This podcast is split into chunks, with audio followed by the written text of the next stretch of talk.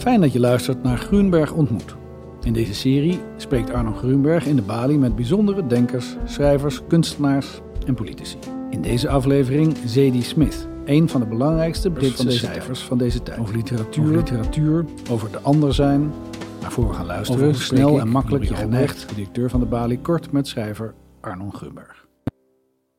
Welkom, Arnon. Gesprek van 7 april 2015 met schrijfster Zadie Smith. Is zij een inspiratiebron voor jou? Ik bedoel, als ik ook niet met haar gesproken. Ik respecteer haar wel enorm als schrijver, ja. En als denker ook. Ziet anders, hè, dat je haar respecteert. Ze is een groot schrijver, want er zit een grote achterban aan. Niet zoals Voet Coetzee een inspiratiebron is. Nee, dat, daarvoor is ze, nee. dat, dat niet. Maar ik was wel, en dat ben ik denk ik nog steeds wel gefascineerd door hoe zij werkt, hoe zij schrijft en denkt. Waarom? Het bevindt zich zo aangenaam buiten allerlei morele vooronderstellingen. Daarnaast is ze gewoon een hele goede stylist. Morele vooronderstellingen? Ja, ik, ik, denk dat ze heel veel oordelen die je a priori zou kunnen hebben, ook, ook wel uh, bevraagt. Ja. In haar werk. Ja. Zeker bijvoorbeeld in haar, in haar debuutroman. Ja. Maar ook wel in de, de Autograph Man, haar tweede roman, die wat minder goed is ontvangen. Dat wat ik vind dat literatuur zou moeten doen, namelijk die zekerheden ook ondergaven. En bij voorkeur niet bevestigen. Soms kan het niet anders. Dat vind ik dat ze dat heel goed doet en op een hele eigen manier. Zij was enorm gekwaffeerd, had ik het idee, door jouw uitnodiging. Ik ben nou ooit tegengekomen in Rome en ze heeft ook wel eens iets van mij gelezen. En ik, we vonden elkaar eigenlijk heel sympathiek. Ja. Die indruk had ik. Dat kon ik zien, meende ik, aan de manier waarop ze naar jou keek in dat gesprek. Ja, dat het aardigste is als je elkaar, ja, als die band er wel is. Dat lukt niet altijd, dat kan ook niet altijd, maar dat was in haar geval wel zo. En ik weet ook nog heel goed, de zaal zat volgens mij vol met, nou, toch een kwart van literair Amsterdam zat er. Ik, ik voelde wel een soort, wat ik eigenlijk je vroeg mij bij een ander gesprek, ben je wel eens bang geweest? Mhm. Dat niet, maar ik voelde wel bij dit gesprek heel erg de druk van... dat ik dacht, oh, die mensen zijn echt gekomen om te kijken van... hoe gaat Arnold het hiervan afbrengen? Oh ja, waarom had je die indruk? Dat weet ik niet. Dat, misschien was het alleen maar mijn eigen...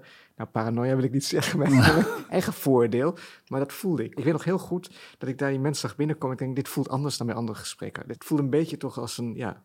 Ik denk ook omdat misschien is dat nu iets minder, maar zeker in die tijd had, had Zedie echt ontzettend veel fans en was zij ook symbool voor, zeker, ja. voor een bepaald soort houding. En ze was vrouw, zwart. Er was potentieel drama en potentiële confrontatie mogelijk. Ja, ja er was ook een run op de kaart. Er heerste ook een opgewonden sfeer, want zij kwam. Had je het idee dat in dit geval, we hebben het ook al eerder even over het publiek gehad, dat dit zo'n moment was geweest waar het publiek zich had kunnen omdraaien, zeg maar, voor jou en bedreigend had kunnen worden? Als ik daar een, een faux pas had gemaakt, wat ik volgens mij niet heb gedaan, of als ik daar echt als Zedie heel erg onaangenaam was geworden tegen mij, denk ik dat mhm. het publiek haar kant had gekozen. ja. Maar nou ja, wat je zoal zei, ik bedoel, ik ken daar een beetje. En, en ik weet nog, na afloop zijn we wat gaan drinken in de bar van het Amstel Hotel. En hebben we al deze mensen achter ons gelaten. Dat vond ik wel heel grappig. Dus nee, dat, dat... En ik had me ook heel goed voorbereid. Ik bedoel, dat doe ik altijd. Maar ook in dit geval had ik echt een paar dagen gewoon vrijgenomen... om alles wat ik nog niet gelezen had te lezen. Dus ik dacht, ja, wat kan er misgaan? En daarnaast, ik bedoel, we hebben natuurlijk ook heel veel het feit... Zij, heeft, zij woonde toen geloof ik nog in New York. Dus er waren heel veel aanknopingspunten uh, waarover we konden praten. Buiten die, haar directe romans en essays. Zullen we gaan luisteren? Ja.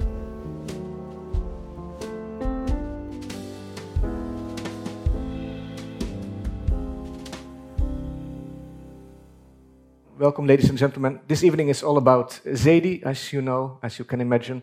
Um, I assume Zadie doesn't need introduction, but for those of you who lived under stone the last 10 or 15 years, I will say a few words about Zadie. Uh, Zadie wrote four highly acclaimed novels White Teeth, The Autograph Man, About Beauty, and NW.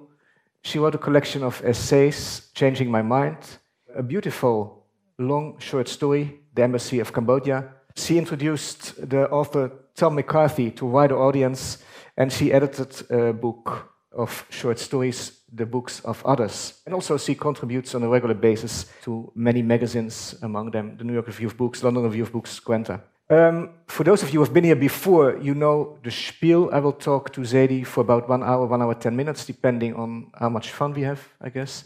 and then I will open the discussion to you. There will be Q&A, but please ask questions. Uh, so no monologues, no statements, really a question, meaning a sentence ending with a question mark. Zadie. Um, mm. Also, full disclosure, Zadie and I met in 2006 in Rome and we had a beautiful, uh, we spent a beautiful afternoon on a terrace.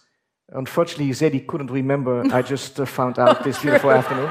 but at least in, in my in my recollection, it, it, was a beautiful afternoon, and, and I suggest that we just follow up the conversation conversation we had there, only this time with an audience.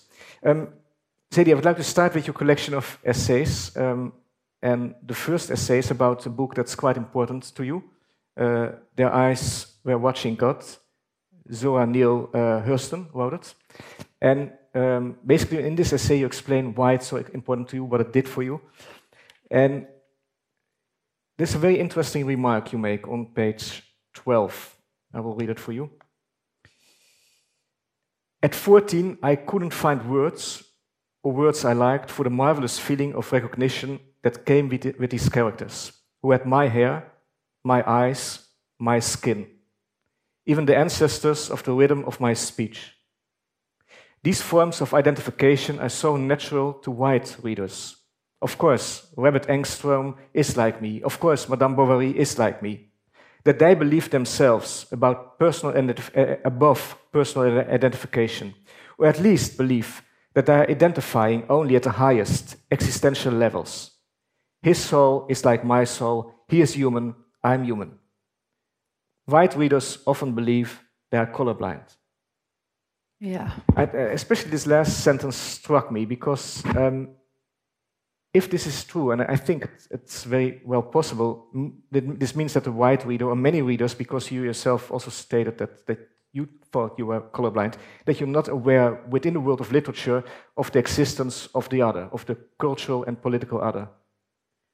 Yeah, I, th I think the aspiration that, that I uh, understood when I was young is one of objectivity. I was very concerned with the idea of not being deluded, not being self deluded, and of aspiring to this objective plane of literature.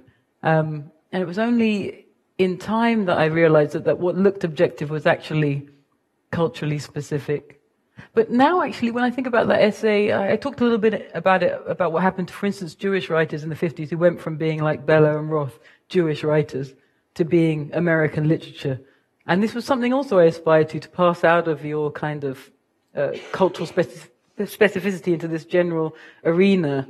Um, but now I think that too is a kind of oppressive thought. Why shouldn't your specific cultural arena be yours and be identified as yours? It's a kind of um, anxiety that makes you want to escape it. So, uh, I mean, it's just the way I was educated. I was educated in a very British system in British literature, which I loved and adored, but, but it left very little space for me to exist freely without intim- imitating a certain voice or a certain style or even a certain consciousness. And as I get older, I just get less and less interested in, in doing that, I think.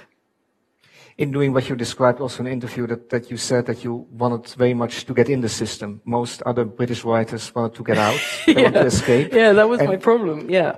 I really, there's, I think there's a line in White Teeth about being more English than the English, and I definitely wanted to do that when I was a kid. You know, I was very proud of knowing, you know, half of Henry V or being able to recite bits of Keats, and and then you realize a lot of this is uh, this determination to to please, you know, to say, uh, don't worry, I know I know everything about this country, I know everything. I couldn't know more. I'm completely assimilated to your ways. Um, I guess when I went to America, I, I started to feel differently. And, and on my most recent trip back to England, like the first day I arrived, I got back to my house and I was unpacking and I put on Radio 4, just getting my stuff together. And there was this conversation going on about uh, immigration. And there were four, I could tell from their voices, white people of a certain age discussing this issue. And it went on and on and on. And one of them was an editor of a newspaper and blah, blah, blah. And at the very end of it, they decided that, you know, if you're grandfather was English, then you probably were, you know, English in the profound Enough, yes. And part of me just thought, oh, fuck, fuck off, really. I just suddenly felt so tired of it. Whereas in America, you know, the day you arrive, that'll do, basically. And that that's the beautiful me. thing about America, It is the beautiful yeah. thing about America. And I, I used to think it was, uh, not true. And there are many problems with American life and American integration, but that is true that, that um, being American is such a flimsy concept that basically anyone can have it in one minute. And I, I kind of admire that. And it made me feel much freer, mm-hmm. really. But f- let's go back for, for, one second to this concept of being colorblind. Isn't this also the concept that, that the white reader or many readers assume that the whole world is like white middle class, that there's nothing outside it. As you said in another interview, that, that some journalist said you're so hip by, by writing about mixed families. Yeah. And then you answered, of that that's just my, my, my life. It's, it's Yeah. not about being hip. Yeah, I, I, when I first published, there were so many uh, journalists who came to me and spoke to me as if it was a kind of affectation to be mixed race, like some kind of trick I was playing on, on British literature, some gimmick of mine that I had arranged for my parents to be black and white mixed together. Um, it, it, it is, it's really a, a shock when you come from the other side to realize how peripheral people consider you to be. Because you don't realize it. Of course, when you're living your own life, you consider yourself to be completely Normal. central to it. Yeah. And completely normal within it. Um, and also various views are ascribed to you. Like, I remember reading, there's a funny line in The Buddha of Suburbia by Hanif Kureishi who dealt with a lot of these issues before I did. And his character says, um, just believe, because I believed in equality doesn't mean I wanted to be the same as everybody else, which I think is a great spirit in Karim. Like he does believe in racial equality, but doesn't mean that he still thinks of himself as the best thing in town. You know, he's this incredible egotist, vain, um, But selfish. he's an exception, no? Yeah, he thinks of himself as, as kind of exceptional and incredible. Um, I, I, when I entered the publishing world, I, it was a real vision, suddenly realizing how we were considered, not only We meaning? uh, people in my neighborhood, people of my background. I hadn't really understood where I stood in relation to British Only life. then. Only when you entered. Only then, really, because I, I really thought that that we we were the center of everything, and then I, I was uh, informed otherwise. But in your work, especially in, in, in White Teeth and on beauty, I mean, the concept of assimilation is, is quite important, plays a big role. Yeah, I, I, I think in, in my life it was um, it was such a complete assimilation. It was also intellectual. You know, I when I think when I tried to go to college, uh, when I was explained to me that I could go to university and it would be free, but I had to you have to jump through these various hoops. You have to pass your exams. You have to go to the interview. So I said about that as a kind of um, as a task which was a, about culture. So I, I read everything about Cambridge. I was completely obsessed with Woolf and Forster and all these things. Because when I turned up at the interview, the, the professor wanted to talk to me about Alice Walker and Toni Morrison. So I realized we're at complete cross purposes here because I've been making all this effort to, to come and meet you and you're coming to where you think I am. Um, it's only when I got out of university that I had a chance to think, well, what is it that I'm actually interested in? Not just to pass, get through these hoops, which I needed to get through because without money, that's the only way you were going to get anywhere. You, you had to pass the tests as they were set.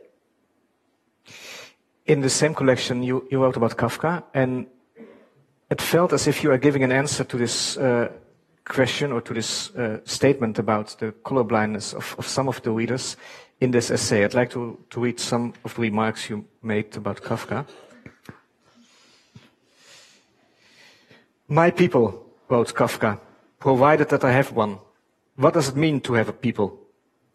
On no subject are we more sentimental and less able to articulate what we mean. In what, for example, does the continuity of blackness exist? Or Irishness? Or Arabness? Blood, culture, history, genes? And then you end the essay with the question, with the remark, statement, Jewish alienation, the template for all our doubts. What is Muslimness? What is femaleness? What is Polishness? What is Englishness? These days we all find our anterior legs flailing before us. We are all insects, all ungeziefer now. But it, it always seemed to me that identity it became this very popular word in the 90s, and I always thought it was, I, I always kind of chafed underneath it because it's an incredibly delicate line. Like, it seems quite clear to me that the thing that joins, for instance, the anti Semite and uh, the Jew who feels Jewish is this shared idea of what Jewishness is, no? That, that's exactly the thing. You have to under, have a feeling that there is a collective identity in order to identify with it or be repelled or object to it. That fascinated me. Like when I, when you come from a family that's half black and half white, um, it's just very difficult to believe in the essential nature of a racial category because your life is fractured from the very start. So But it's also how the other perceives you. and the other, but how the other perceives you turns out to be incredibly random. And I think this was, in my life, was influenced by my experience with my, me and my brothers, we are all, obviously all the exact same genetic makeup, but I am pale with a long nose. My brother is doesn't look mixed at all. My middle brother, you would think he was fully black, whatever that means, and my younger brother looks like an Arab. So, uh, so when you grow up in a family like that, and you're aware of of the different ways that people respond to you because of these phenotype differences, which are, as far as you're concerned, absurd. My brother is my brother. But I, I don't get stopped by the police. I've never been stopped by the police. My brother is stopped by the police continually. Times, yeah. And my younger brother gets stopped by the NSA. So it's those kind of, huh? it's and the randomness of it. Yeah, I'm not stopped. So I get, part of you has a kind of guilt, which I think you can trace all the way back to slavery. You know, I would have been a house slave for sure, and my brother would have been in the fields. And it's understanding that kind of, uh, the accidental nature of it. And also knowing now, like I'm reading, I'm writing about slavery and I'm reading a lot about slavery and realizing that a quadroon, for example, was very often on the blocks being sold, treated like any other slave. Well, my children are quadroons and they look like you. So then you have this new picture of slavery. You remember, oh right, there were people who looked like Arnon being sold That's... next to people who looked like me and people who looked like my brother and my mother. That was the reality of slavery. Some quadroons are dark, some are pale, some pass completely, but they were sold because contractually they were black by this rule of one drop of black blood. So that to me is, is fascinating. When you see it, the reality in your family of what these racial laws involved and what they had to, the absurdity they had to overcome in order to be enacted, it is hard to take seriously. At the same time, you know that there's no such things as politics without communality. It's, there's a line, and we are talking about our friend, mutual friend Daniel Kehlmann. There's a wonderful piece in his new book where he tries to describe what a self is. And he describes it uh, neurologically as this kind of incredible mass of instincts and impulses moving moment by moment. And if you ask me, honestly, what I think a human is, I believe that. I believe that's what a self is. This kind of very imprecise collection of impulses. But if you want to go to parliament, if you want to stand in the street in a march, you can't stand up and say, well, I'm this, this very complicated mix of neural impulses that come and go and I never, that won't work. You have to identify yourself. You have to say, I'm a Jew from Amsterdam or I am a mixed race woman from Kilburn. This is part of what politics involves. So it's a compromise no. with reality, but it's not the truth as far as I'm concerned. No, I don't think it's the truth of experience. No. But you're not saying by accepting the fact that identity is coincidental, that's all an accident? Uh, no, that, it, that, you can construct your own people identity? People act or? upon it, so yeah. it makes no difference. No matter how pale I am, I am a black woman in the world, I behave as a black woman, I am treated as a black woman. That is my political reality. But my existential reality is, is a different matter altogether. But part of the problem with communities who have been oppressed is that we don't get to have existential realities because we're too busy stopping ourselves being killed or strung up or gassed or whatever. So we are forced to talk the politics of identity all the time. Whereas white people, particularly in the last century, had this luxury of saying, well, what is a self anyway? What the hell is a self? Well, for me, it's now time for people like me to also say to indulge what is it, to indulge in this matter of what is a self, because it's a question that relates to everybody, not just white people.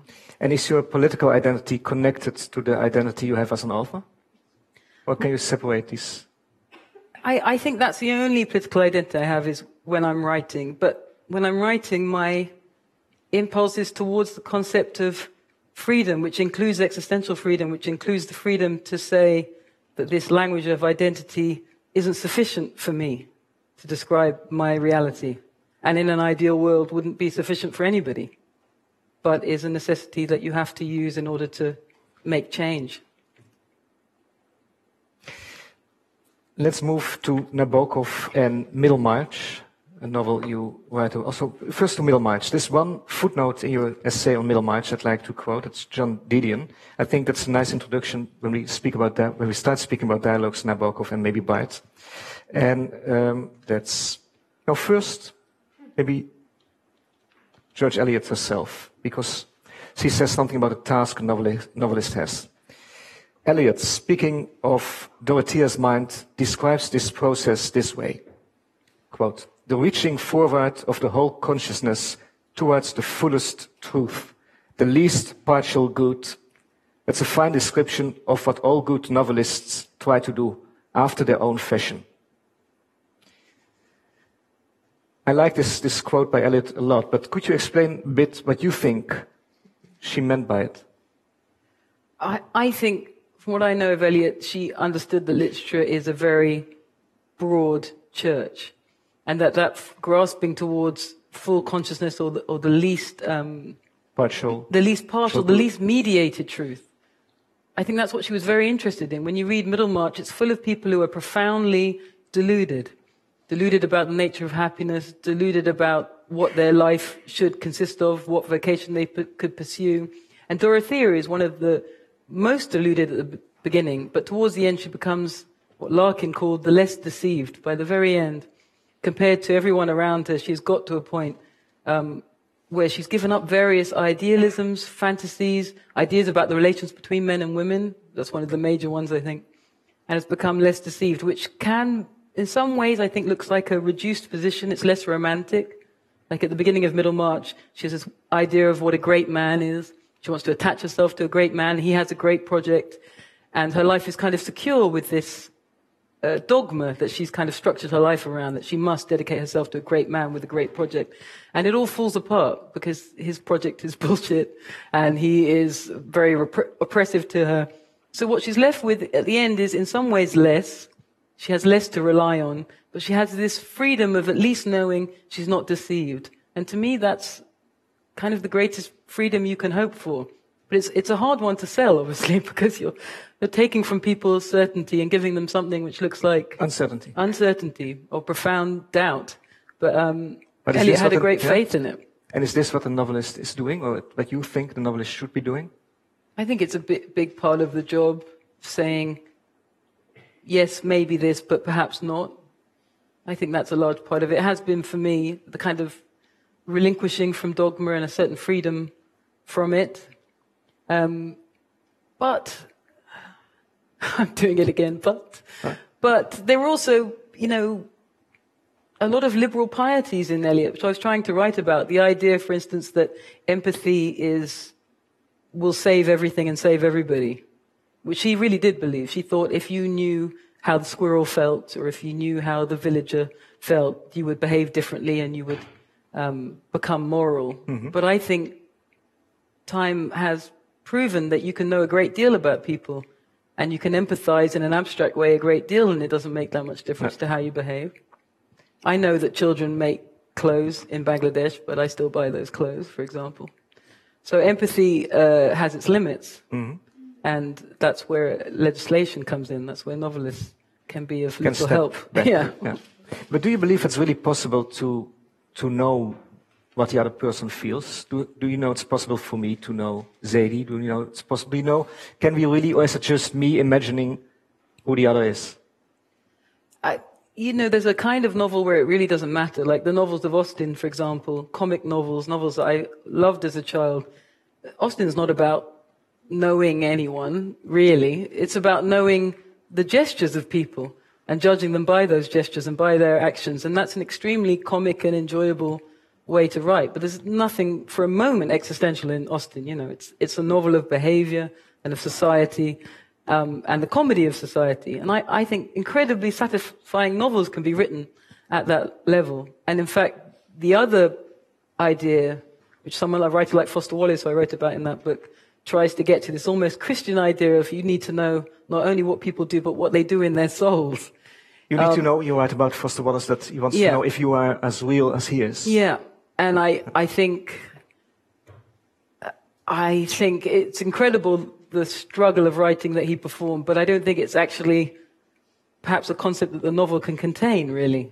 It's, it isn't possible, really, to know what goes on despite what Jesus says, in the heart of somebody, if you are not that person. And the novel that that really needs to know that um, ties itself in knots of self-consciousness. No, like some of Wallace's stories, which are about.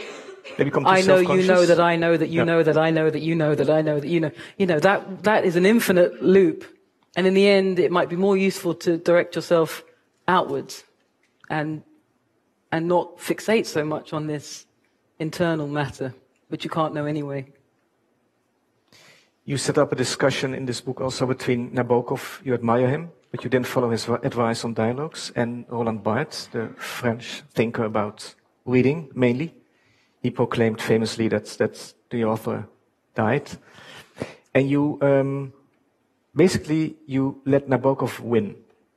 You believe, you say in the end, at the end of the, uh, of the, of your essay, you say that for an author, you cannot follow Barthes because he gives the reader too much freedom. You should follow Nabokov. That, that you, you, the, the reader is maybe not created by the author, but you should have the feeling as an author that you are manipulating, that you are in charge, in control of the reader.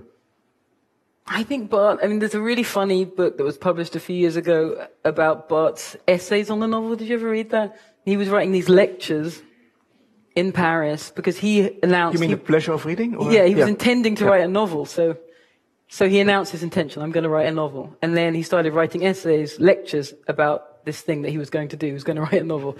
And he started giving the lectures and they extended, extended. It's all this plan. I'm going to write a novel. This is what a novel is. I'm about to write a novel. Wait, I'm going to write a novel. And then when he died, they found the actual plan for the novel, which is printed at the end of the book. It's like one page long. And it's horrifying. It's like a, a man with power, no power, switch of power. It's like this diagrammatic, structuralist disaster. Um, and I thought it was very, it's very moving and it, it is a kind of wonderful one page novel, but it's it's what happens when you disappear into theory, you know, when, when theory is all that you can see, you theorize the life out of the thing. And all he could see in the end was this kind of movements of power structures. It's like a fairy tale almost. Um, so I, I, think it's a matter of survival to choose Nabokov over Barthes if you're a, a practitioner of fiction, because Nabokov allows for all kinds of things that Barthes does allow for theoretically, like joy or jouissance. Um, but he really enacted them. Like he, he really believed in them. But what I think is, um, I mean, I don't read Nabokov anymore, and I wonder sometimes whether he's a young person's writer, no? Because you're so uh, amazed by the pyrotechnics and the technical control, and but there's also uh, there's maybe such a thing as too much control, you know. And I do find that when I try and read him now, that it's a little icy. Icy. Yeah, the smaller novels I, I still really love, but I, I don't, I can't read Ada really, and even Lolita, I, I, I don't know. I, I, some part of me grew, grew out of him. Not that he isn't a genius, but he's just not for my moment in my life, I guess. But you're saying that the illusion that the reader knows, that the author knows what the reader is reading, is is important because without it, you we cannot continue our job. Basically, we cannot. Yeah. yeah. And also, Nabokov doesn't have this uh, reality fetish, this obsession with, well, is it true? Is it true in your heart? It, to him, it was all artificial. And that's what was wonderful about it. It was this incredible act of artifice. So he kind of bypasses with Wallace what's a kind of almost Christian argument that Wallace has. There's something very Catholic in the, in the religious sense about um, Wallace. He always was seeking this, he, truth that he felt that fiction didn't access, that fiction was artificial or sinful in some way. Nabokov didn't care about any of that. And Wallace thought he was immoral. Interesting that, that, you, that you mix Wallace now with, but for you, uh, reality is, is, is quite important. When people um, responded to NW, your latest novel, with the comments that it is a bit experimental, um, you disagreed. You said, what does it mean to write experimental prose? For me, important was that, that this way of writing would get me closer to, to the truth, to mm-hmm. say something truthful about um, our reality. So for you, reality is, is, is highly important. I think, I mean, I, when I think of someone like Joyce and particularly Ulysses, he really felt that was a book of realism. His argument was that in, in a normal course of a day, you go through so many um, experiential states that the only way to convey it was with as many kinds of prose. But in that sense, I completely understand the argument that NW is like a nostalgic modernist piece or whatever. But, but at the same time, um, I do think part of what I've been doing, which I seem to can't help, is, it, and it's not the most formally exciting thing, but is inserting my people into that history. My I, people. I do, yeah, my, my people, people so, like me, people I recognize, my community into that literary history, which may seem a pointless experiment to other people, but I guess I, I don't feel it pointless because I keep, I have done it a few times. On Beauty is like a, a 19th century novel, but populated by people I would recognize. I guess there's maybe some child part of me which wants to go around just correcting it or adding after the fact. Um, there are other examples like uh, Sarah Waters, uh, English writer, mm-hmm. gay, who has been doing something even more peculiar, I think, which is writing novels, not only historical novels, but in the tone of the period and inserting gay women into them, which is even more to me like a kind of childish fantasy, same as mine, of what if the canon wasn't the canon? What if it was rewritten in, in my image? I think, when I say childish, I don't mean it as an insult. I just mean that writers are always responding to some kind of childhood trauma, though, trying to hmm. recreate something or remake something. Maybe it's just your own family, mothers and fathers repeated over and over. But I think you can also do that in a kind of canonical you way. They're responding to a kind of trauma? Or? Yeah, some kind of absence or something you wanted to fix or change when you were a child. Writing is a great opportunity to, to do that, to rewrite literally something that disturbed or annoyed you when you were That's young. a therapeutic function for the author? Or? I don't think it's always conscious, but I think, it's I think it's there. Yeah. Level. yeah. I found it interesting that you said quite with, with well, some self-evidence that about my people, whereas when you quoted Kafka, he said, I, basically, I cannot identify with my people. I, I know. I, I, think it's a thing with middle age. I feel it more and more strongly. Um, yes? Yes, I, I, uh, particularly after my father died, I suppose, and all this effort to, to be English or to be associated with the English kind of died with him. I don't know. My, my family is black, all my family is black, all my remaining family is black and originally African. Um, and it became a concern of mine, an interest of mine, I guess. It kind of returned to me. Maybe that's a, I'm sure people in the audience have similar, when a parent dies, something changes or some element of your identification changes. And I think that's just what happened to me.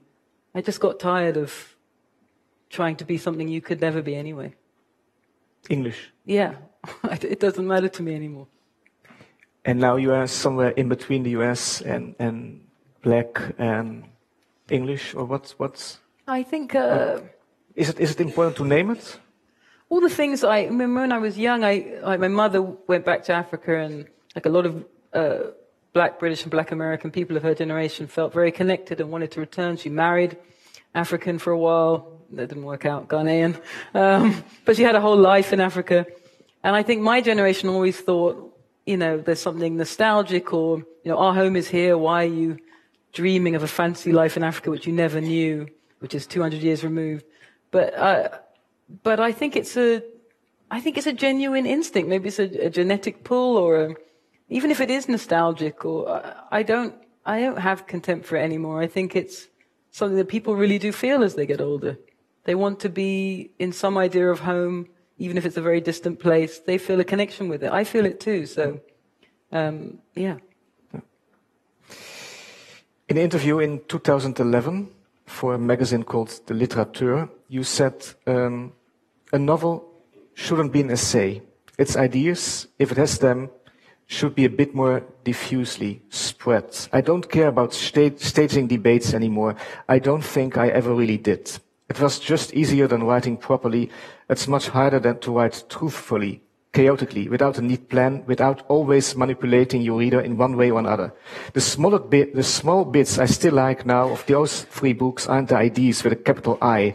It's the small human moments. Samad at work as a waiter, Alex-Li Tandem getting drunk, or the three siblings in on beauty meeting by accident in the street. For me, those things last and the rest just fades, like a certain kind of journalism.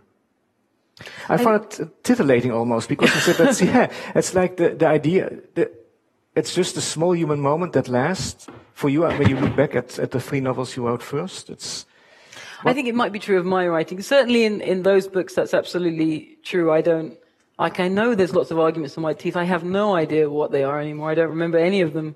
And I guess they don't interest me anymore, but, but the idea of certain people in it interest me. And for instance, in uh, the Embassy of Cambodia, the characters in that are closest to what I'm talking about in that department of people who seem to I don't know. It's ridiculous. Live in some fake way, but live. But uh, but I think there is another kind of writing. It's not mine, but um, that is deliberately essayistic in form in the novel, which I think is really wonderful.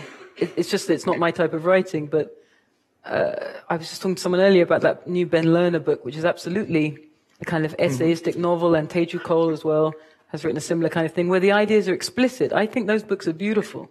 I think what annoyed me was the opposite, where the ideas are kind of uh, fakely submerged, you know, as themes. It's like the, the way we were taught in college to, to draw out, out, themes. You mm. then write novels in the same way. That really does annoy me. But, um, but ideas explicitly expressed and really gone into, I think that kind of writing is, is wonderful. I, but I, I don't think I'd come across it when I gave that interview. And now I read a lot of those novels and I think they're really, really beautiful. But they're not, uh, they, they don't hold up characters as symbols of ideas. They don't really have characters, of course. That's the other thing. No. They avoid that whole problem. But I guess I'm still concerned you, with the problem of characters. Of course, but you cannot deny the fact that On Beauty is a novel filled with ideas. It, yeah, yeah. Or, or, do you dislike thinking about it this way? Um, it, it is, but I, I still think the the best parts of it when you're writing are not when you're trying to make an argument, but when a whole scene presents itself, like there's a scene in the middle of On Beauty, I think, where Howard goes back to his father in London. I remember one editor, maybe the English editor, wanting to remove it entirely, and the American editor wanting to keep it. And I, as usual, had no strong opinions really one way or another. But in the end, it stayed anyway. Um, and that scene is a kind of, I suppose it is out of place in a novel because it's just a scene. Mm-hmm. No, no debate is being made. But those bits I do like now because I think they come from a different instinct where you've managed to suppress one part of yourself and allow another part which is maybe more generous or more open to exist. I do open like those to, parts. to the world. Yeah, open to the world, exactly. It's interesting before we talk further about on beauty that you said one editor said that should uh, should be taken out, the other said it can be left, and you had us always no opinion. I found it hard to believe. But it's true. You, I don't. don't but it seems you're so disconnected. I mean, I do feel that. Yeah, I don't know why. Yeah. But I think as a student, I was very. Um, you know, I just I know I when I turned up in college, I felt very undereducated. So I was very much of the opinion that whoever has something to tell me, I will take that on board. So I just, it was my natural instinct to, to be a student. That's the thing. And it never really went away. It just, that instinct before authorities never really went away. And it's so different from. Not even after all the success? No, it's no? never changed. And I was reading a long essay by Knausgaard in, uh, in the New York Times recently, the travel piece. It's so funny. And there's a moment where he's in some bar in the middle of nowhere, Nebraska or something. And he's with his photographer and they're playing darts. And his photographer, he's never played darts before. His photographer's trying to tell him, explain to him how to throw a dart. And it's just a perfectly nice paragraph. And then suddenly he says, and then he started trying to tell me how to throw it. And then I realized I hate, fucking hate people telling me what to do. So I just started throwing the darts in any direction. I thought that's so Knausgaard that he, that's really a part of him that if the moment you say to him, do this, he's like, no, fuck you, I'm going to do this. Whereas I'm exactly the opposite. If I'm told how to throw a dart, I will throw it exactly as you tell me to throw it. I don't have the instinct that that my knowledge is more than the other person's. That's not. That's never how I've been. My instinct is to hear everybody's opinion and uh, then listen to them and follow listen them. to all of them, and then I will try and pick the best opinion. But I, I, I assume that that the other people know. I do assume that. And in some ways, it's a, it's a benefit because it means you're always open to editing. Uh, it doesn't matter who's giving the editing. They don't even have to be particularly qualified. I'm interested in, in the reader, the reader's experience. But of course, there comes a point, and there should come a point where you say, no, this is this much I know, and you can't touch it anymore. Otherwise, it will become a democracy. Yeah, it yeah. becomes a democracy, and you can't write that way. But, but I, I don't know. I, I very, I hate uh, friction, antagonism. I guess my parents were very, you know, I came from a divorced family and I hated that kind of thing. So I'm always, it's my habit to always try and find some middle way. Um, but given the fact that you really like Knausgaard's work, yes. is this a sign that, that you would like to be like him? That if somebody tells you to throw the darts this way, that you say, no, fuck, I will do it my way? No, I, I think the fascination of of novelists with Knausgaard is exactly seeing something you could never do in a million years. Do that to your family, to your wife, to your children, to your mother. But that's an ethical question, not like a technical. It's ethical and literary because he's doing both things at the same time. So I, I really, when he first started publishing, like met other novelists, that was the conversation I heard over and over. Because what he was doing was taking the lowest hanging fruit. Anyone could do it if you if you were willing to do it. But who would be willing to do it? You need to risk everything. And that's what that's what fascinates novelists. Hmm. Probably for readers it's perhaps less interesting, but for novelists it's absolutely fascinating that someone would do the thing which no one does, which is tell the truth. All of it. All the time. That's what it looked like. Yeah, you even said that, that it doesn't matter that it's sometimes boring, that boring No, boredom can be good. Yeah, boredom can be good for, for sure. Like we live in a culture where you're hyper entertained continually, entertained out of your fucking mind, like most days of the week. So to be forced to be in this state of boredom, particularly in that first book with the 150 pages about buying beer or whatever it is, is almost like a meditative state. It's so unusual. Yeah, to be a bit hard forced for to me, be. I have to admit, It's but very yeah. hard, but but uh, I don't think it's just the confession. It's, it's many different things in those books, but but there was a vocational interest for novelists, like oh, th- that's what would happen if I told the whole But truth. you're not saying that, that we or that novelists should bore their readers more often. No, Or I, th- I think what he's done is something that can be done once. No, it's not a, a cannot be, repeatable experiment. I would be ill-advised for novelists all over the world to start writing Like intimate account. Of, yeah, but um, but it was a provocation. I think novels like that have to appear every now and then. It's very healthy for everybody else. Okay. I didn't take it as provocation, but it's interesting. I, let, let's go to On Beauty, and um, I hope I won't just pull out some ideas, but more than that. Uh, on, in the beginning, you make an interesting remark about Howard and his wife Kiki. And she says to him, the professor, um, Kiki hissed, kissed the back of his head and stood up. Too much recording, try living, she suggested softly. Is this this um, difference between working in academia or, or writing and living? Is Well- this is this for you still a concern? Um, well, I, I think that the kind of teenage writer who's really a reader, most writers are just obsessive readers who caught the habit. That's always the concern when you're young, right? When you're 14, you think, well, why am I in my room reading Arthur C. Clarke? I probably should be at the party Yeah. meeting girls or whatever. You don't dare to go there. Yeah, you don't dare to go, so you stay in your room. So this this gap between people who do and people who observe becomes quite intense, I think. But there are writers, I think you're one of them, um, who manage to combine the two. So the idea is I go and have the adventure and I will write about it. So I will travel forth. Um, and in America, particularly, that kind of Hemingway model is very, um, and for the English, Graham Greene, you know, to go out. He was 24 and he went to Liberia, for example. Um, that model always makes me feel very uh, guilty because when I was young and was free to travel, I didn't want to. And now that I can't, uh, it's too late. so I feel bad about it, but um, I don't know. I, the, I was saying someone else earlier, what makes me feel better is thinking about those, those writers, many of them women in England over 500 years who had no possibility of going anywhere, who had no freedom and, and had to write like Austen did, you know, in a little book in the living room and then cover it with a piece of blotting paper. It's kind of, it's good to know that you, you can write without experience, or that all experience in some ways is useful, even the most intimate, supposedly feminine or domestic experience. Well, that's what Knausgaard's. Yeah, that's what That's he's. the point he made. Yeah, that's what he's proven, I guess. But um, I, I, I, I do feel that that I have been less involved than I could have been. That writing has taken up a lot of time I could have spent.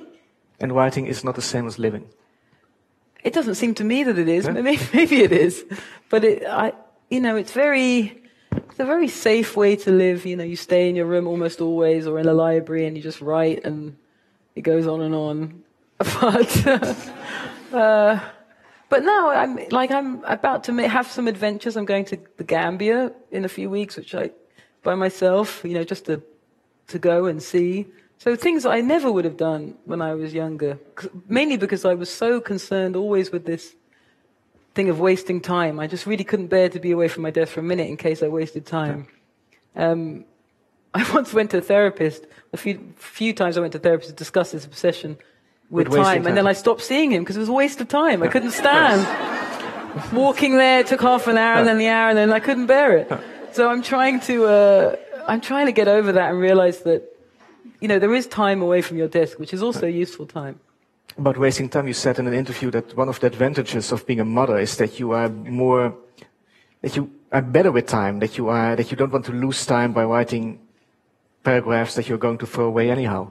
So Yeah, I, I do, but, but it's also become even more fixated in feeling, filling every moment with, um, you know, reading or. I never really thought of it as uh, a pathology, but now when I, when I see myself, for instance, coming to Amsterdam for 24 hours, packing, you know, six books and a Kindle, And a Kindle. four New Yorkers, a New York Review of Books, like when am, when am I going to read this stuff?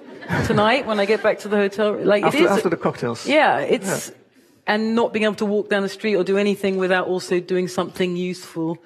I I think it's uh, I don't know where that came from. It must have been in my family, but it, it's I don't have any way of just not doing things. I I can't. I have to fill every. Because it makes you feel guilty. yes, it makes me it's- feel guilty. I can't bear the thought of not working in some capacity. And should we blame your parents for that? I mean, writing itself seems to me such an indulgence that if, if you do have the luxury of doing it for a living, you better just kind of do it all the time. That's my feeling about it, basically. Even though you can imagine that you one day you stop writing, you do something else, you just teach. I don't know what I would do. I'd have to teach, I suppose, or yeah, I'd have to do something practical. Something about on beauty again, um, humor, women and men. When you are no longer in the sexual universe, when you're supposedly too old or too big or simply no longer thought of in that way, apparently a whole new ra- range of male reactions to you come into play. One of them is humor. I found this very interesting. You're saying basically, as long as a man sees the woman as a sexual object, he is humorless. He's a person without any sense of humor. No, it's absolutely true. Like when I was a teenager, I was I was uh, very overweight, very unattractive, uh, supposedly, according to everybody else. And uh, I could be funny. I was funny. I could make men laugh, and it was all funny. And then when I cleaned up and went on dates, if you try and be funny, the man is looking at you like, "What are you? Do- why are you doing that? Why are you telling me jokes at dinner?" I really noticed it, and now my brother is a stand-up, and you see it with women comedians. now. Not so much anymore, but it's still if a woman comedian goes on stage, she has to deal with the reality of her physical person in the first five minutes. Otherwise, she's dead in the water, and that's because men just are not capable of responding to women as a humorous, as, as a wit. It's more what it's more because about being witty. of, of the wit. I just, it's not in our culture, the idea of a woman being funny. It just, it's a very hard thing. You have comic actresses for sure. There's never been any doubt about that. But I mean the person who comes on stage, speaks with their own mouth about their own ideas in a way that is witty, is not a way that men are ever used to relating to women. I think it's a very unusual uh, procedure, which is why women stand-ups are heroic and uh, amazing when they're funny, that they're as good as it gets, because it's just such an unusual position for a man to be in. His job is supposedly to, to make you laugh, though, you So know, woman who many wants- women will know it's not that funny when you go on a date and he's not actually that funny at all.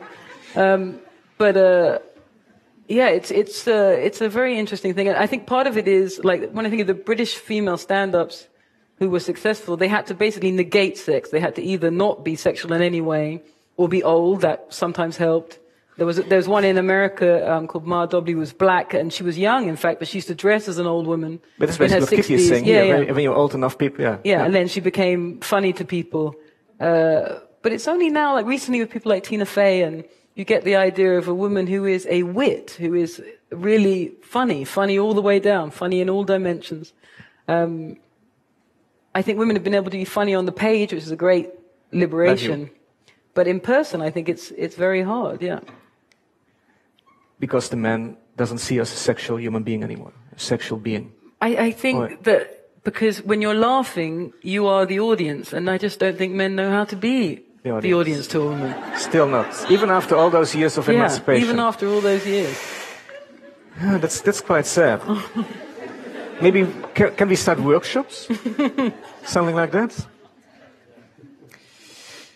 We go back still, the same book to Kiki.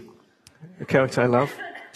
And Kiki is giving this imaginary speech to a guild of black, imaginary guild of black American mothers. And she is saying, and there's no big secret, not at all. You just need to have faith, I guess. And you need to counter the dismal self-image that black men receive as their birthright from America. That's essential. And I don't know, get involved in after-school activities, have books around the house, and sure, have a little money and a house with outdoor. Yeah, I mean, I I think it's, it's, of course he's a middle class or upper middle class woman. Is is this hearty? Is this a bit? It's hard to describe. I know, I I know because I live in a largely white world. It's very hard for white women to realize how black women feel about raising children in America and in England. It's and the way we talk amongst ourselves. It's just immediately, uh, particularly if you have a boy, then the crisis is on. Um, there's a great line of uh, Tupac's in an interview he gave towards the end of his life where he says that uh, a black man in America has only a short time to be, he calls it, at his full power. Um, and it's when you're young, it's when you're 15 and 16 and, and uh, I guess misbehaving as far as the rest of the world is concerned. But that's when you actually still have the energy to misbehave and to tell people to fuck off and to kick back. But he says by the time you're 30, they take the soul out of a man. They take the soul out of him. And it's, he says, well, you go in America, you see any black men over 30 opening them, and no, you don't see it because they're already beaten down.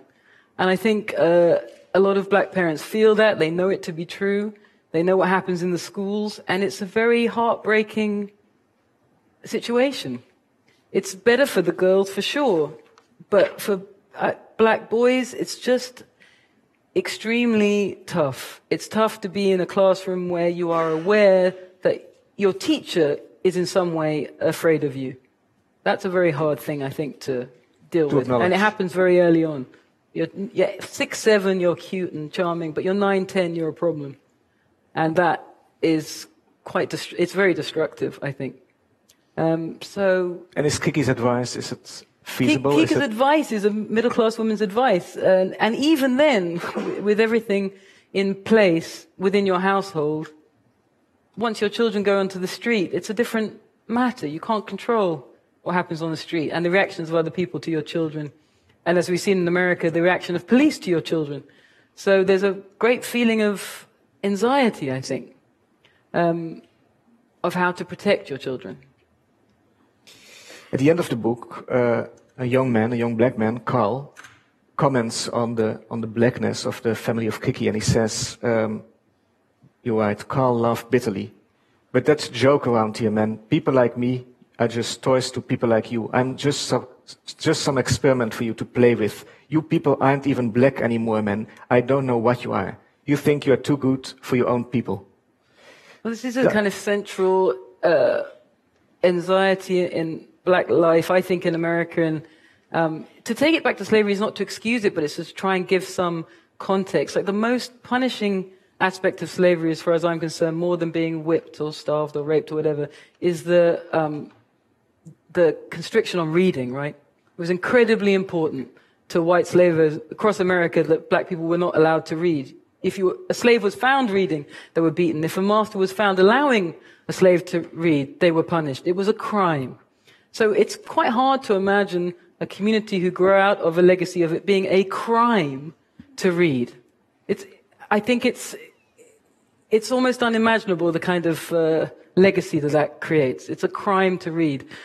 And certainly when I was growing up, even then, this connection or disconnection between education and black life is so profound, though, that as you become educated, you are in some way considered in a defensive manner to be moving away from your community because this link is so strong between the idea of uh, a black person as someone of action, a physical being, but not an intellectual being.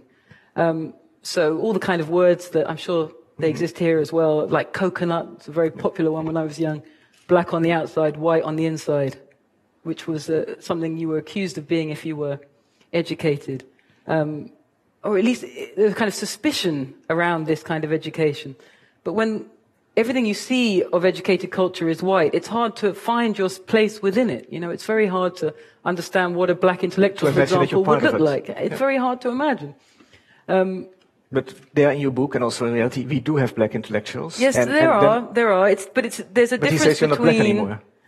I've been trying to write an essay about it, saying to someone earlier about this idea of the exceptional Negro, which is a kind of popular trope in, in slavery and in popular culture. And for instance, in uh, Jewish culture, the idea of an exceptional people. It's a very different concept. The idea that there's one man who's president, this is not actually, role models are not really effective for a whole people because it's a kind of stopgap in terms of self-esteem. A whole people need to feel that they have potential and mm. self-esteem. It's just not enough. This idea of a role model here, a role model there. And also when the role models are of a certain kind, when I was growing up, to be constantly told that so and so won the 100 meters or so, it, what difference does that make to me? Mm-hmm. I'm not going to run the 100 meters. So it's not, it, it's a structural problem that goes all the way through the educational system and it's changing and it will change. But to me, the legacy of that kind of law, a crime to read, it's just the same as if you have a trauma in an individual family. I know maybe other people know in families where, for instance, there's historic sexual abuse, maybe going back even four or five generations. These things linger. They're passed from father to son. They just are. Five, six generations. Yes, I, it's a culture within a family, and it's painful. And I think whole communities can suffer these kind of traumas, and it's a struggle always to remove yourself from them. I think it's totally possible. I think individuals can free themselves at any point, but there are also structures that make it difficult to make that um, freedom possible. And there are also ancient resentments, which I think is what Carl is expressing there. Paranoias, fears within a community. Um, that are really uh, deadly. And I always felt them as a mixed race person. I used to get this kind of abuse from both sides, and I always wondered why. And now, again, reading these slavery accounts and understanding what a mixed race person meant, they were a crime, they were a scandal. So a mixed race girl like me meant that something had gone wrong. Mm-hmm. And what's so interesting is that if you were looked like me and you were the child of the a white man, you were allowed to live. But if it was your mother who was white, they killed you. So then you see how these, these terrible legacies continue, this kind of stigma that you're not quite to be trusted.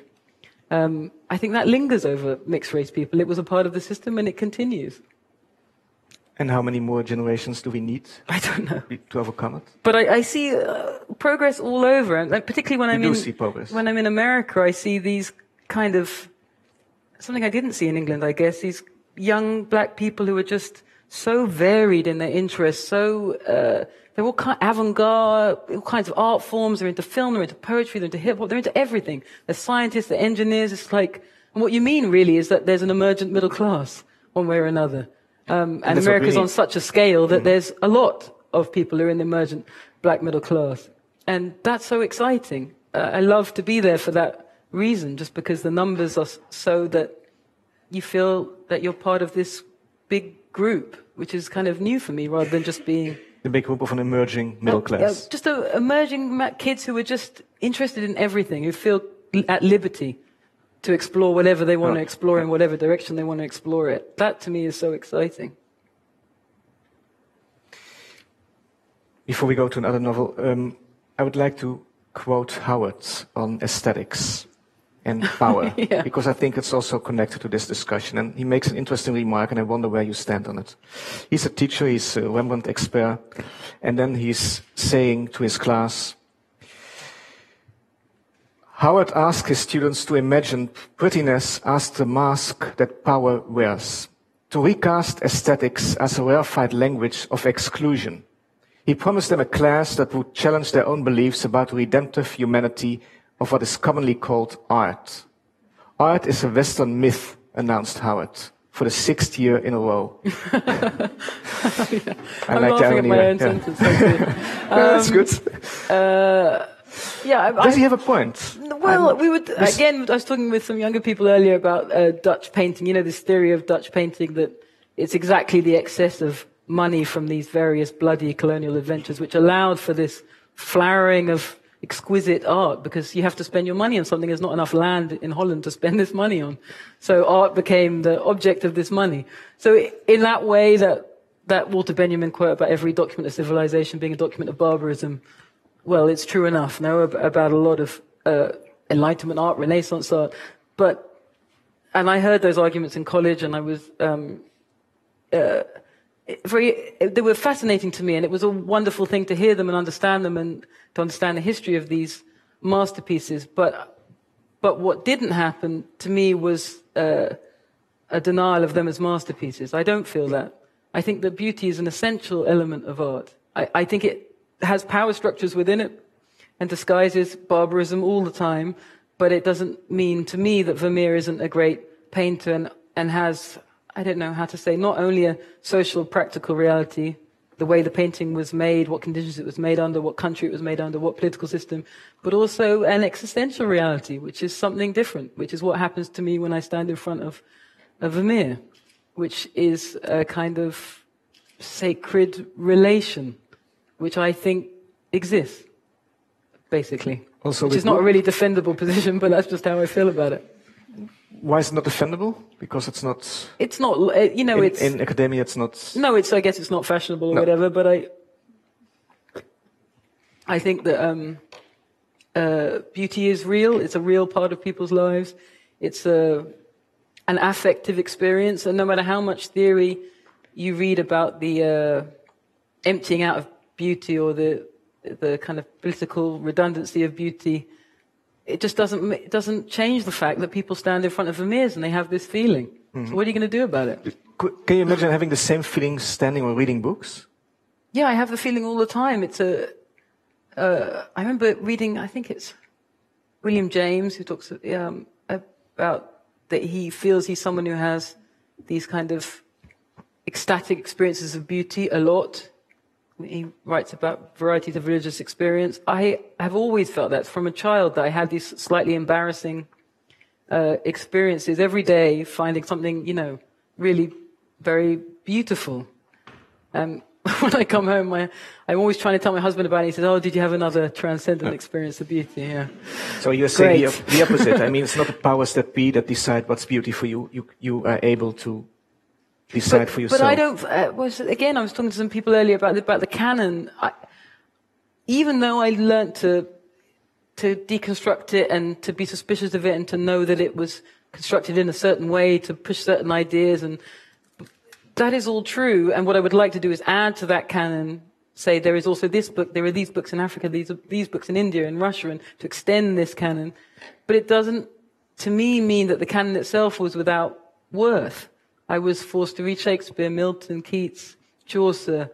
Forced? Forced, because that was the curriculum. But it was, to me, a great gift. Mm-hmm. So I can't really think of these things as, as oppressive, because to me they were beautiful. That's not what he was saying, well. No, Howard is not. Howard subtle. and I do not agree. Okay. It would be fair to say. But the irony, of course, of Howard is that when he sees beauty in, in a young woman or in young women, or not even only in young women, he becomes a being that, that is reduced to his dick. Yes. His wife makes a comment that, that his dick is basically an embarrassment for his own intelligence. But I, uh, this is what I, I just remember in college we had a lot of, it was a high time of theory and a lot of my professors were really French theory heads. So we go to these classes. I don't think they realized how, uh, where we were coming from, or at least where I was coming from. So I'd turn up in class and they were going to deconstruct and ridicule the whole of Western culture. But of course, I'd just arrived. So I was like, oh, oh, oh, okay, no to Tolstoy. Okay, forget that. So they were destroying something that I hadn't even got to yet. It was, it was, they were already destroying it. And how, but I noticed in their private lives, they were listening to Bach. They had beautiful paintings on the wall. They were having affairs with girls half their age. So for some reason, they were still involved in this world of beauty, but we were to be, you know, austerely taught that it was all nonsense. And that's really where Howard came from, that memory of this strange double life they seem to be living. You did an interview with Ian McEwan for um, The Believer, 2005, and you talk also in this interview. You made a remark that struck me also with regard to this book and with regard to NW. Um, you said to Ian McEwan, I'm a writer who never writes about sex. That's so far from my own fictional world. Whereas in, in on Beauty and NW, um, yeah, that changed. Quite, that it? changed, yeah. so my question is, whereas why, why? used to write about sex yeah, all the time, and, and, now, and now it's gone. So, I, what happened during this meeting with Ian McEwan that you went?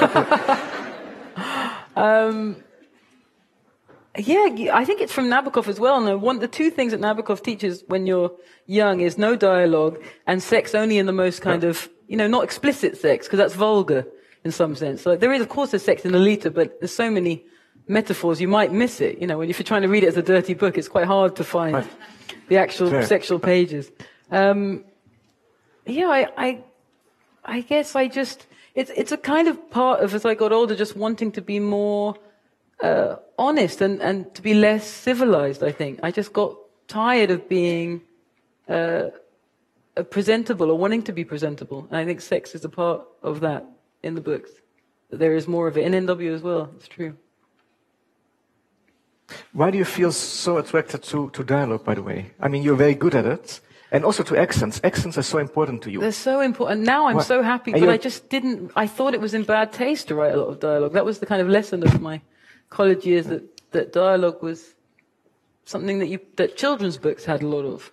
But when I started writing White Teeth, it just I just kept on writing dialogue, and then it, it's just so much easier for me to write dialogue. I enjoy doing it, um, and I I have I guess I have a good ear.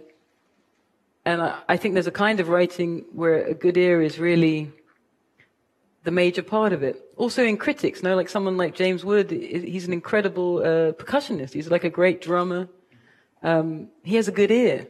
So the music of, of language uh, is important when you're writing. Not for everybody, but, but for me it's important. And now I'm, I'm happy to, you know, I don't look, look a gift horse in the mouth anymore. I'm happy No. to use whatever skills I have.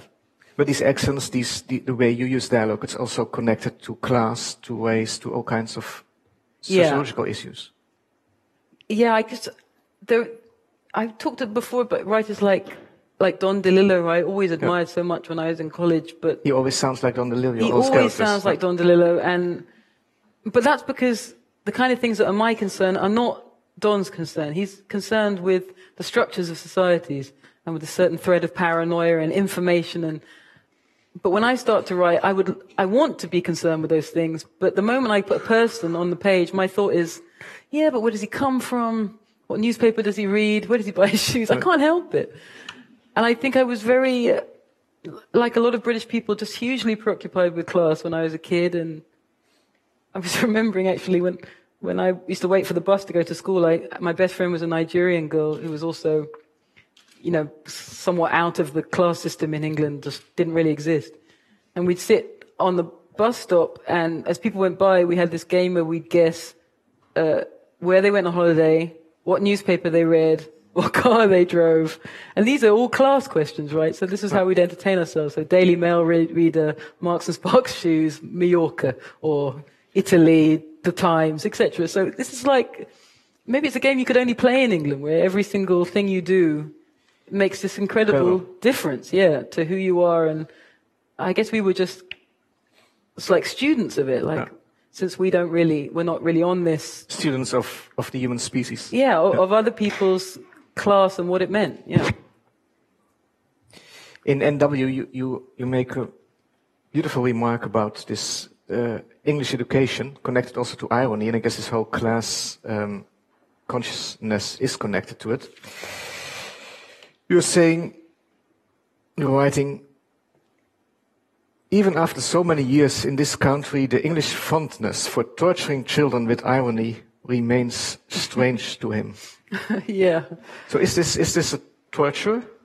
Is this The, is the this, English is it- have, but maybe every nationality is not very fashionable to say now, but maybe every nationality has its own genius or particular habits. And the English, it, it is comedy. There's an incredible high level of comedy in England. Everybody's funny. Everybody, posh people, working class people, people in the middle, everybody's funny and, and exercises the humor all the time, but in a very uh, kind of brutal way. Uh, and I think when you go to America, as a British person, it becomes less funny. It, well, they, they are funny, but they have a time and a place as far as they're concerned for humor. Yeah. And it's not with children, for example, and it's not at dinner parties. So you have to learn that you can't talk like that all the yeah. time. Yeah, you can't. Um, like the, the fun that English people have with words like cunt, which you probably can't say here either. In Well- America, you say that, you're thrown out of the house. Like it's an outrage. So In England, that's just a, you know, it's just a rhythm in the sense. It's just something you say before you ask for whatever, the groceries.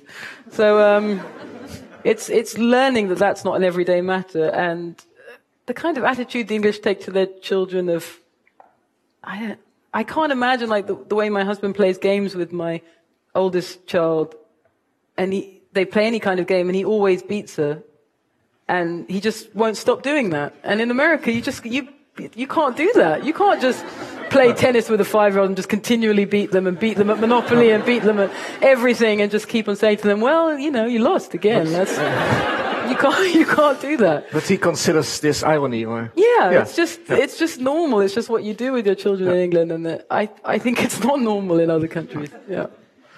Speaking of comedy and irony, in, in, in the end of your collection of essays, you write about your father who was dying, and in the last months of your life, you go to see him, and you bring um, DVDs of Fawlty Towers, mm. and together with him, you watch Fawlty Towers, and it's a very touching, um, very touching paragraphs because basically you don't speak to him anymore. You're just sitting there and watching comedy, and also you, you describe him as a man who his biggest love was comedy. Yeah, he loved he loved comedy, and we had a lot of comedy records, which I think is uh, maybe unique to England and perhaps New York, where people just sit around listening to comedy, audio comedy, not even television comedy, just listening to people um, being funny. Uh, yeah, he, he loved comedy and he had a very sophisticated taste and he liked very dark comedy, which I also like. I mean, it, it's a great joy to me. Now my brother's a comedian unexpectedly, so it's kind of re-entered our lives. And I, yeah, I get to see a lot of comedy and he's you know, he's pretty famous in England now, so I meet other comedians. I, I always thought that comedy was like, uh, when I meet comedians, I feel like they're like writers, but in a very intensified way. It's like the difference between a cappuccino and an espresso. They're like, it's very concentrated comedy. Like I could write nine novels about England and Eddie Izzard could do one routine that basically be the same thing. It's just like a kind of concentrated version. Um, I admire them for that and I'm also kind of fascinated by their the arc of their careers, how quickly they become uh, kind of self-disgusted. It's a very interesting process. Like, now I can ask my brother about why self- that happens. Yeah. yeah. But sometimes you appear to be self-disgusted. I, I, am a lot of the time, but I think with, with novelists, you can kind of survive it longer. With, and I thought it was a peculiarity of me, but um, talking to comics, it's a very natural reaction. They, they want to make you laugh, but then when you laugh, where they, you expected them to laugh, they kind of hate you for it. They really hate you for it because it's, there's no satisfaction in it anymore. It's a, it's a strange thing. My brother's on the road a lot, and he'd always much rather do a film or a TV show than stand up. Exactly for that reason, I think, because everybody's laughing at you. Oh, you're so funny. But I guess a part of you, the part that's in every writer and every creative person, is saying, oh, these idiots. They're just, it's that Groucho thing. I don't want to belong to any club that has someone like me as a member. It's that That's, let me back Woody Allen joke yeah. at the beginning of Annie Hall. It's a very profound part of comedy. So the more they laugh, the more you hate them. Yeah. Also, you talk about self-disgust um, regarding with regards to uh, young women. Somewhere you say that it's it's impossible for a young woman not to experience times, months, weeks filled with self-disgust. Well, that was definitely my experience. I guess what worries me now is that because the age of being a young woman is infinitely extended, now you have to be a young woman into your 40s and 50s and 80s. Yeah, yeah, that this period of self-disgust never ends. No. Whereas before, you could just, at 40, you could just be like, ah, fuck it, and just wear purple tights yeah. and just hang around, do whatever you like, and actually have fun. So uh, it depresses me that, that that, that period of adolescence is now meant to yeah, infinitely extend because it's no joy for the women who are in it. I don't think. And how about you? Self-disgust? Did it diminish or? Um, not not really. Not with the work. I but I I guess I stopped expecting it to um to go away with the writing. I uh, I don't know why why that should be. There must be some gap between the writing and me that can't be closed. But I can think of more extreme. Like there's someone like uh, I don't know there are writers like Colm Tóibín, for example, who is such a beautiful writer, but so serious in the prose. Colm Tóibín, the Irish writer. Whereas if you ever met Colm, he's absolutely hilarious in person. It's like literally like a stand-up. So the gap between Colm and his writing seems to me one of the most extreme that I've ever seen. Like you wouldn't know that the man you meet is the man who wrote the books. But it seems absent of self-disgust. There's a kind of, I don't know why the gap seems to be healthy for him. But for me, I do feel a kind of, uh, a gap between me and the books. Maybe it's getting a bit smaller. I think perhaps the problem was when I was young, this, uh, imitation of, of wisdom. You know, that's one of the things a novel is meant to contain. Right? Novels are so wise. And when you're young, when you start young, people are always saying to you, God, you've got such an old brain. You must be, is there an old woman hiding inside mm-hmm. you? Americans always ask me that. That's what you said in an interview, that you're tired of these imitations of wisdom. Yeah I, yeah, I, did feel that. I did feel that. It, you know, particularly White Teeth to write about generations of families. And what did I know about any of that? Nothing at all. But so isn't this what novelists do? Im- imitations? It is. It, it, it's not imitation exactly, is it? It's, it's a kind of remix. It's all the books you've ever read regurgitated through your sensibility and transformed like into this mixer. other thing. Yeah, the, that's what the it novelist is. as a food mixer. Okay. Um, and it interests me, like writers like McCarthy and other kind of theoretical writers are so horrified by this idea.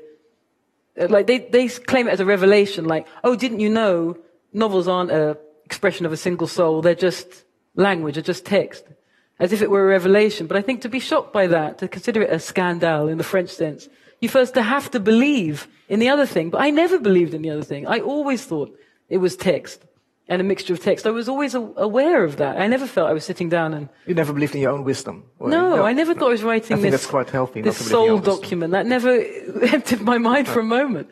To me, I thought I read all these books and this is the result. That's that always seemed to me what I was doing. So, I, so when I read the kind of supposedly radical theory, which is scandalized by that fact, coming out of Barthes, coming out of Foucault, I think, but what's the scandal? There is no scandal. It's always been, text has always been regurgitated and reproduced, and that's what text is.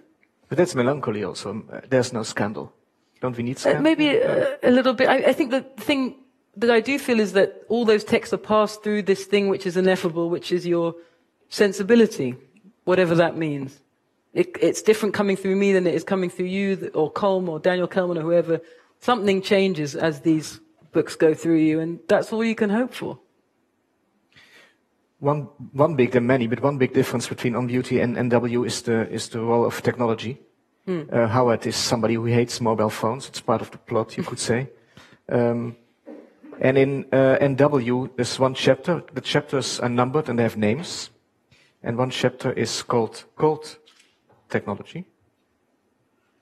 And here he writes, I have it for work.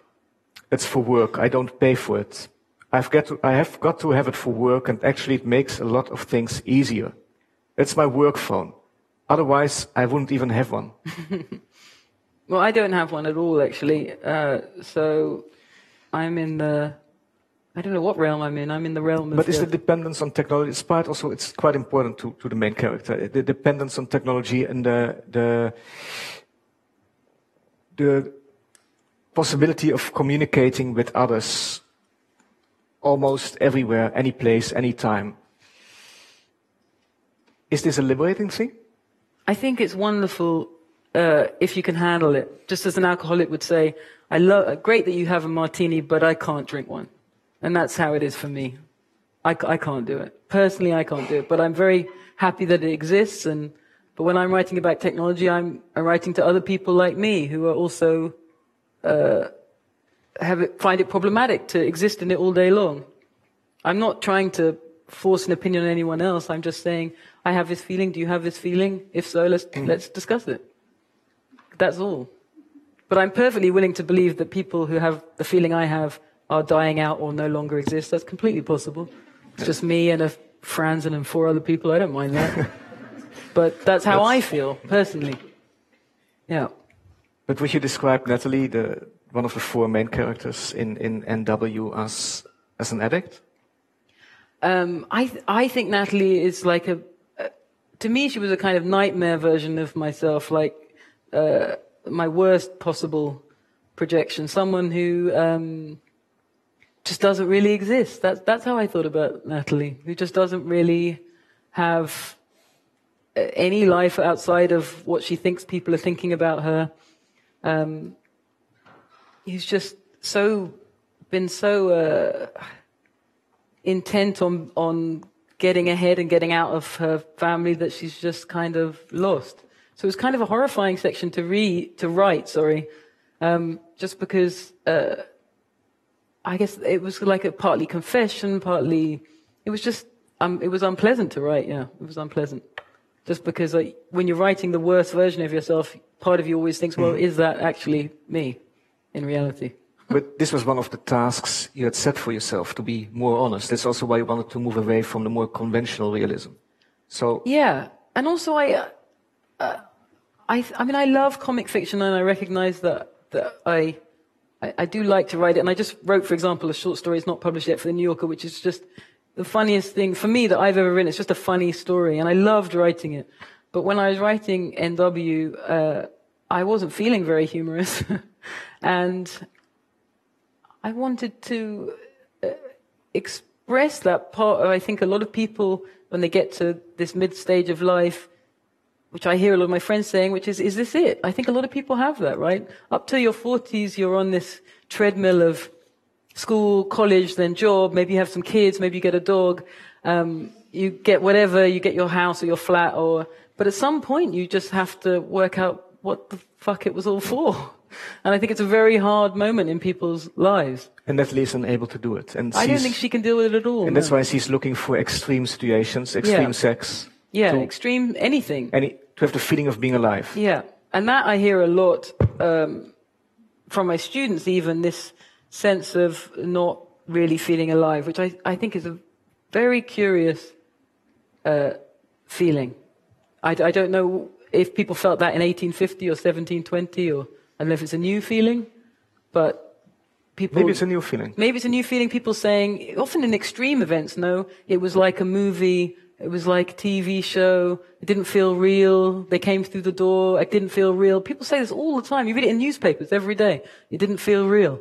Uh, that Meaning to me is fascinating. there's a continuing disconnection. Yeah. Even at the most extreme moments of their lives, it didn't feel real. I, I have no answer to why people have, have this feeling so often these days, but it's, it's fascinating. And do you have the feeling that, that, that, that Natalie is getting closer at the end to reality? To, to, I think she has this great of being. opportunity at the very end, though, to have a genuine relation with her friend. Leah. But it, yeah, but it involves too much. So instead, they take the easier option of, of ganging together and finding a scapegoat. Well, at the end, she says also that she should give something back, Natalie, and then uh, you write. But Natalie's, that, Natalie Blake's instinct for self-defense, Mm. for self-preservation, was simply too strong. Yeah, I, th- So I think self- that's what it is. Because part part of it is to. I found getting older is that you have to give up this very precious idea of your identity. You know, you've spent so long building it. I'm this person. I like this. I like that. I do this. I do that, and it doesn't really, uh, to me anyway. I found it didn't really amount to very much. That sense of oneself. What really made a difference is your actual relations with other people um, how you were with them, how they were with you, and how you actually acted in the world. This kind of sense of taste. I like these things. I like this music. I like these clothes, and something that my generation was really offered as as a kind of selfhood. If you have a lot of good taste, you're a person. Congratulations. I don't think it works, and I think at, at 40, at 50, nobody cares whether you bought the first Radiohead album. It doesn't make any difference.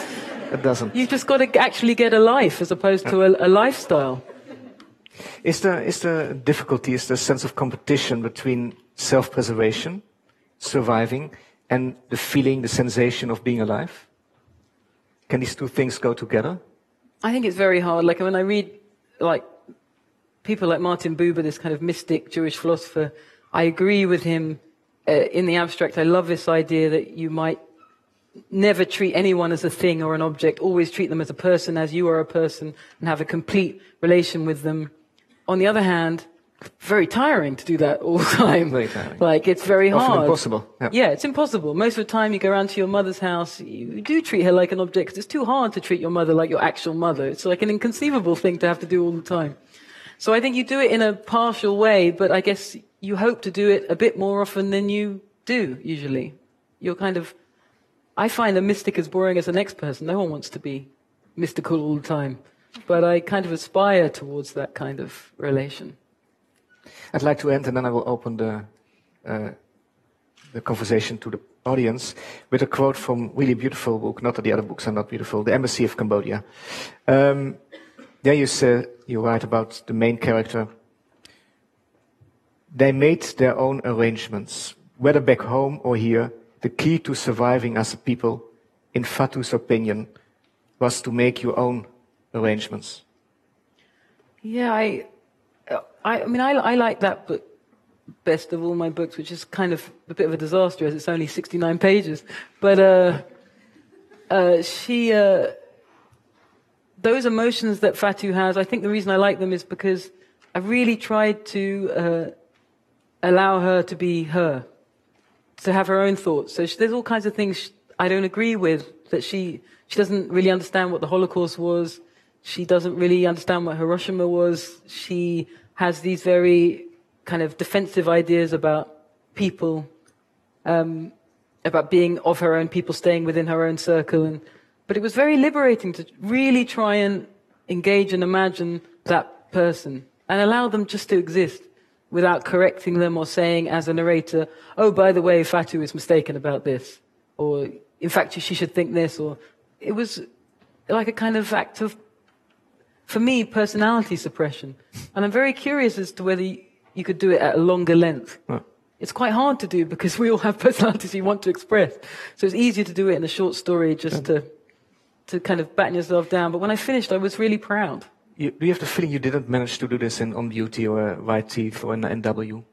To, not, more... not in the same way. Fatou to me is the, the person I, I really uh, feel for most. And I had a very odd experience about a month after I finished it. I was in a Pret a Manger in New York, and I went to order a sandwich, and the girl behind the counter, her badge said Fatou. And I was completely, I'd never met anyone with that name, and I was completely alarmed, and she looked exactly as Fatou would look. And so I thought it was a kind of benediction, you know, I have a kind of slightly, uh, like magical mm, feeling about that book, which I haven't had otherwise. Yeah, mystical feeling, exactly. Yeah. Are you finished with Fatou, or do you think because sometimes characters come back? No, we we my husband and I are adapting it into a movie. In fact, we just finished the script. Oops. Yeah, so I'm hoping it will be, be a, a, film. A yeah, and then maybe later more. And maybe yeah, maybe more. Maybe. Yeah. Maybe more. Thank you, Zadie, for Thank being here. It was a wonderful question, wonderful conversation. Thank you. Thank you. Thank you. Bedankt voor het luisteren naar Arnon Grunberg ontmoet vanuit de Bali. Wil je er nou een keer zelf bij zijn bij zo'n gesprek van Arno Grunberg? Schrijf je dan vooral in voor onze nieuwsbrief of volg ons op de socials, zodat je als eerste hoort wanneer het weer zover is. Over twee weken weer een nieuwe aflevering en dan hoor je dit. Dus ja, ik vond het dus heel raar, is die persoon weg. Nou goed, dat weten we allemaal van die dingen, die is weg. En hoe schilder je dan dat? Hoe schilder je dat hij weg is? Ja. Arnon, dankjewel en tot de volgende.